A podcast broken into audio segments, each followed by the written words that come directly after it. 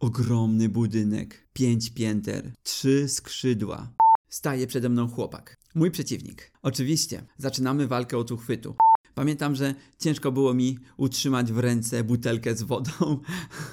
Naprawdę, tak bardzo byłem zmęczony. Spadam w dół! Spadam w dół, brzuchem w dół!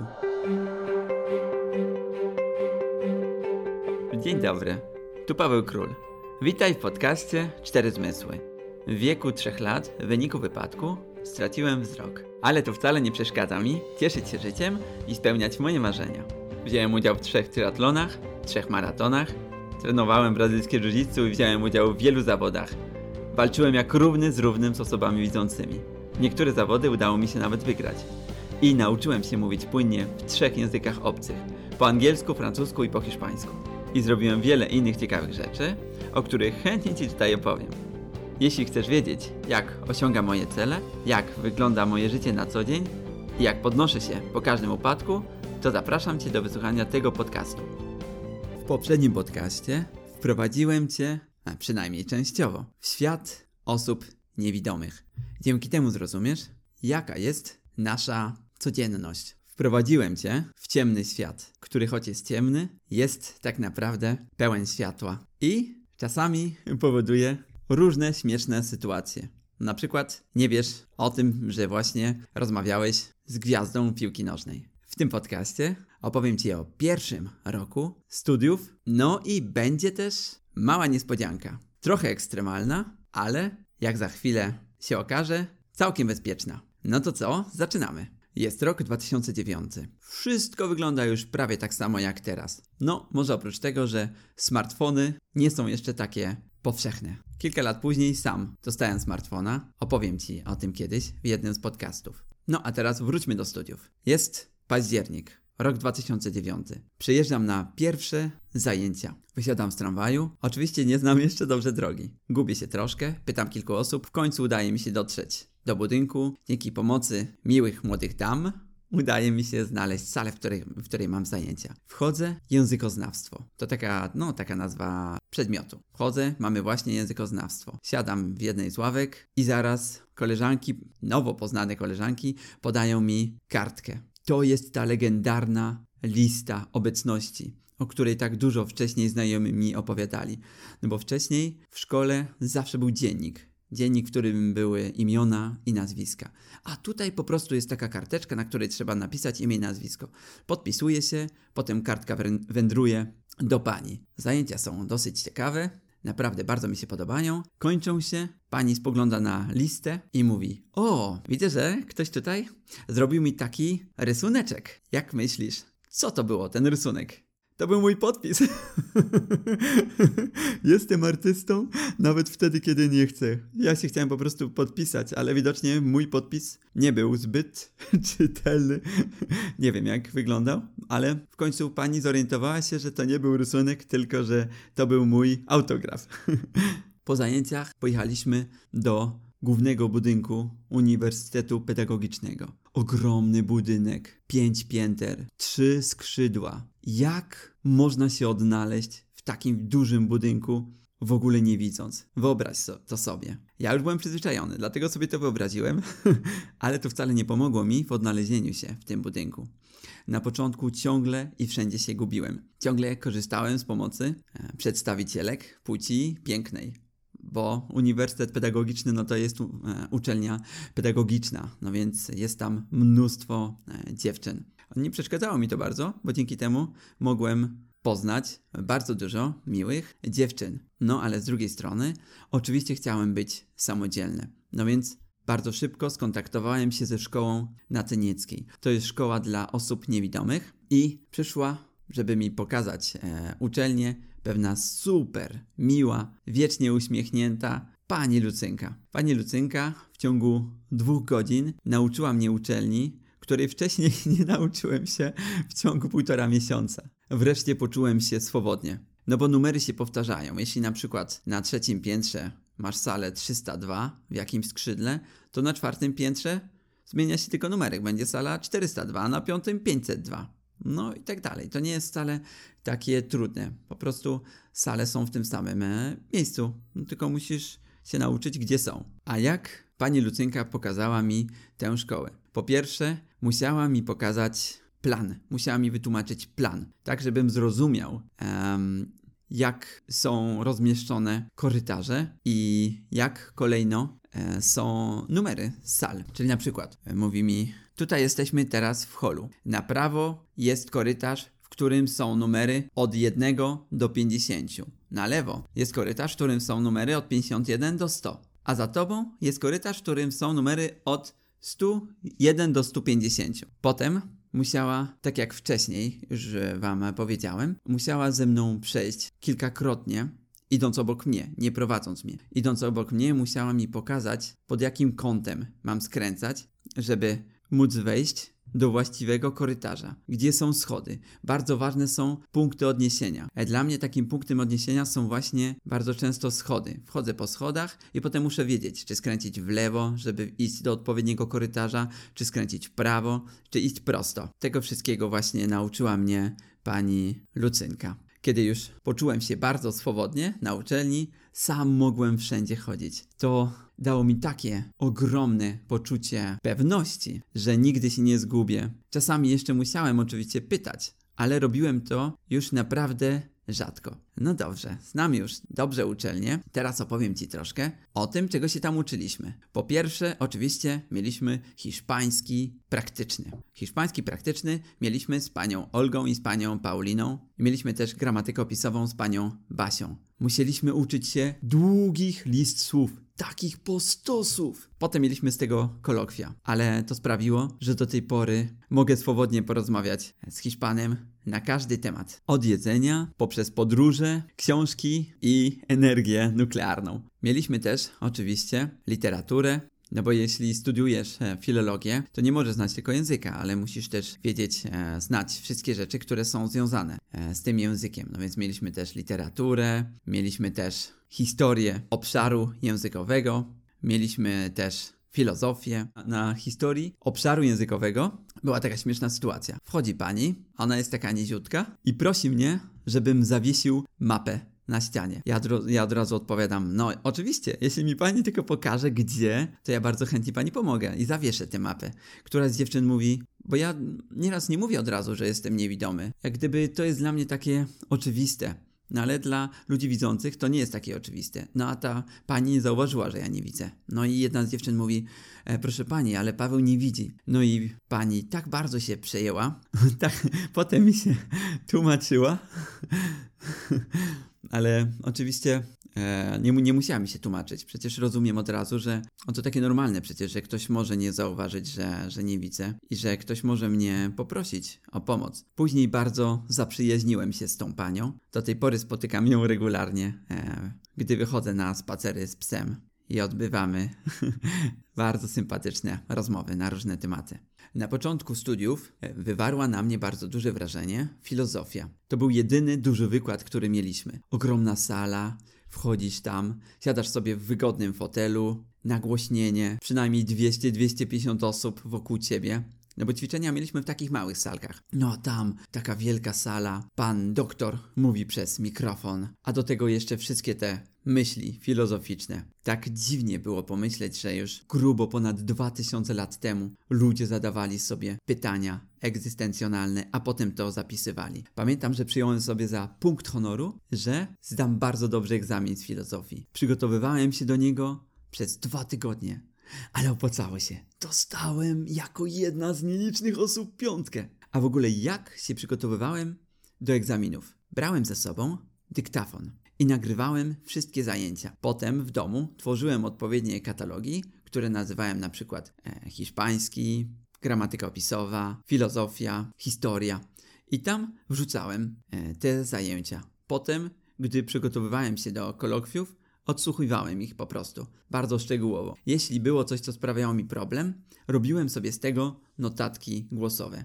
Ten system naprawdę bardzo dobrze działał. No dobrze, Ponieważ nie samą nauką człowiek żyje, opowiem Ci też oczywiście o kolejnym sporcie, który zacząłem wtedy bardzo intensywnie trenować, a na koniec niespodzianka, którą zapowiedziałem we wstępie. Sportem, który odkryłem na początku studiów było brazylijskie jiu-jitsu. Co to jest brazylijskie jiu-jitsu? Jest to sport, który powstał, jak sama nazwa wskazuje, w Brazylii. Jest to sport bardzo kontaktowy. Polega głównie na walce w parterze. Co to jest walka w parterze? Walka w parterze jest to walka w pozycji siedzącej albo leżącej. Kiedy siedzisz, jesteś na brzuchu albo na plecach. I teraz brazylijskie jiu-jitsu polega na tym, że musisz w jakiś sposób zdominować przeciwnika. Musisz mu założyć jakieś duszenie, czyli przydusić go tak, żeby ciężko było oddychać, albo założyć mu dźwignię, czyli przekroczyć naturalną ruchomość stawu, na przykład łokcia, barku albo kolana. Jest to idealny sport dla osób niewidomych, dlatego że wszystko odbywa się w bardzo krótkim dystansie. No więc możesz doskonale wyczuć każdy ruch swojego przeciwnika. Moim trenerem był trener Marcin, a potem e, trener Wojtek. Jestem im bardzo wdzięczny za to, że nauczyli mnie tak dużo i że umieli mnie zmotywować do, do treningów. Pamiętam jak pojechałem na pierwsze zawody. Pierwsza walka. Wychodzę na matę. Jestem zestresowany. Jestem bardzo dobrze rozgrzany. Staje przede mną chłopak. Mój przeciwnik. Oczywiście, zaczynamy walkę od uchwytu. Osoby widzące muszą walczyć o ten uchwyt. No bo widzą. Ja nie mogę walczyć o uchwyt, bo nie widzę. No więc zaczynamy od uchwytu. Uchwyt polega na tym, że łapię za, a w ogóle trenujemy w takich strojach jak do judo, czyli w grubych spodnia, spodniach z płótna i w grubych bluzach, takich przeszywanych. No i uchwyt polega na tym, że łapiesz jedną z rąk za klapę tej bluzy na wysokości piersi, klatki piersiowej, a z drugiej strony łapiesz łokieć, on, bluzę e, za łokieć na wysokości łokcia.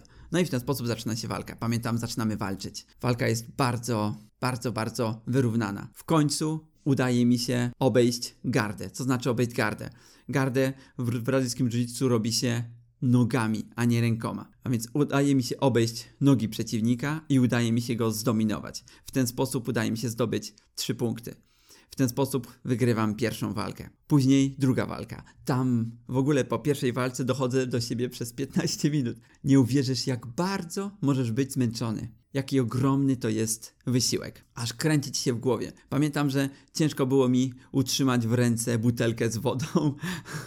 Naprawdę, tak bardzo byłem zmęczony. Druga walka. Wychodzę. Myślę sobie, skoro poradziłem sobie z pierwszym przeciwnikiem, z drugim też sobie dam radę. Pomyliłem się. Mój przeciwnik był dużo bardziej doświadczony. Walka trwała jakieś 2,5 minuty i skończyła się tym, że mój przeciwnik założył mi dźwignię na łokieć. Musiałem klepnąć. Właśnie poddajesz się w ten sposób, że klepiesz mocno w matę albo w przeciwnika. Musiałem klepnąć. Potem łokieć bolał mnie jeszcze przez trzy tygodnie. Ale myślę, że naprawdę było warto, bo zdobyłem dzięki temu doświadczenie. Potem pojechałem jeszcze na wiele innych zawodów, o czym opowiem Ci w następnym podcaście. Jeśli chcesz poznać e, lepiej zasady brazylijskiego jiu-jitsu i tak dokładnie na czym polega e, to jiu-jitsu, to napisz do mnie, zrobimy osobny podcast, w którym wszystko dokładnie wyjaśnimy. A teraz przejdźmy do niespodzianki. Ekstremalnej, ale dosyć bezpiecznej. Zawsze na uczelniach są biura do spraw studentów niepełnosprawnych. No i kiedyś w naszym biurze dowiedziałem się, że są organizowane w Krakowie pikniki lotnicze.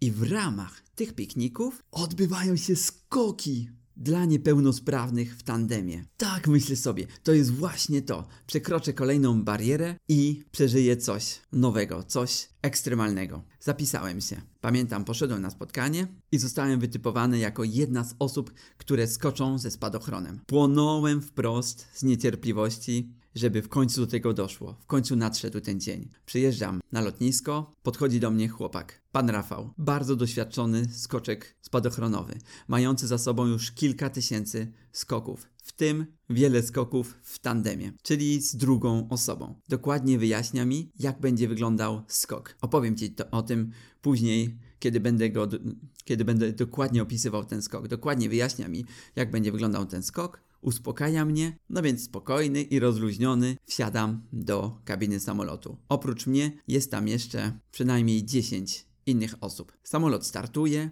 a w ogóle to był pierwszy lot samolotem w moim życiu. Więc to była podwójna frajda. To nie był tylko pierwszy skok ze spadochronem, ale to był też pierwszy lot. Pierwszy lot samolotem w moim życiu. Samolot startuje, jest to stary rosyjski samolot Antonow z silnikiem tłokowym, no czyli z takim śmigłem z przodu. Samolot startuje, wznosimy się pomału do góry, wznosimy się, wznosimy. Jesteśmy już na wysokości ponad 2000 metrów. W kabinie jest dosyć głośno, a ja siedzę sobie tam, lecę i coraz bardziej się stresuję. Chociaż obiecałem sobie, że nie będę się stresował.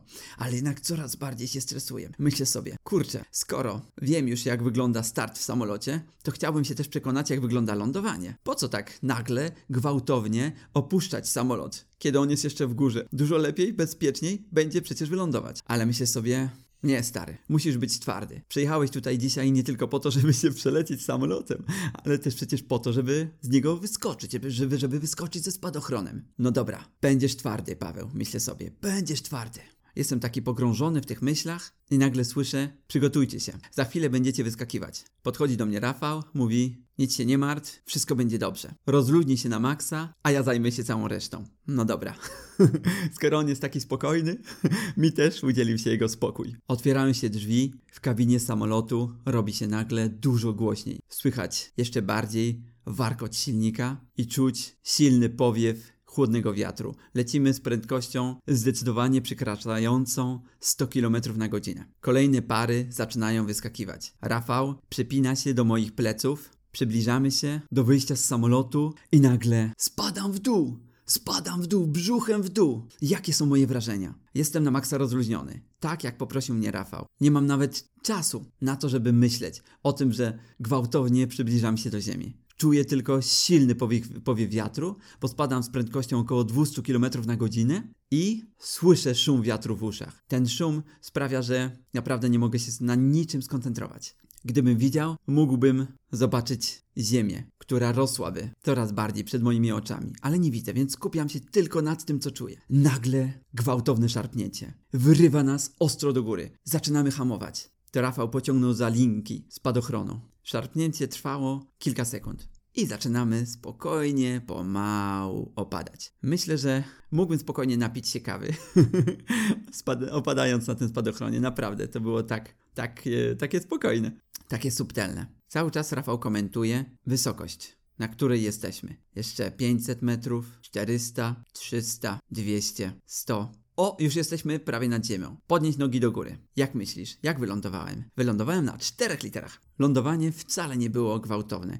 No to było tak, jak gdyby usiąść sobie po prostu troszkę szybciej. Każdemu z nas zdarzyło się czasami usiąść szybciej. No to było właśnie takie wrażenie. Rozpinamy e, spadochrony, wyplątujemy się z tego wszystkiego, no a już dalej na spokoju uczestniczymy sobie w pikniku lotniczym. Pierwszy rok studiów pełen wyzwań intelektualnych, sportowych, no i nawet lekko ekstremalnych, właśnie dobiegał końca. Trzeba było zdać sesję, żeby zamknąć rok. Jak każdy student, musiałem spędzić wiele godzin na przygotowaniach do sesji końcowej. Egzaminy pozdawałem całkiem dobrze, no i mogłem pojechać na wakacje. W tym podcaście opowiedziałem Ci o tym, że warto jest zawsze podnosić sobie poprzeczkę, nabywać nowych umiejętności i że super jest skoczyć ze spadochronem. W kolejnym podcaście, w którym opowiem o drugim roku moich studiów, opowiem Ci o kolejnym przełomie w moim życiu,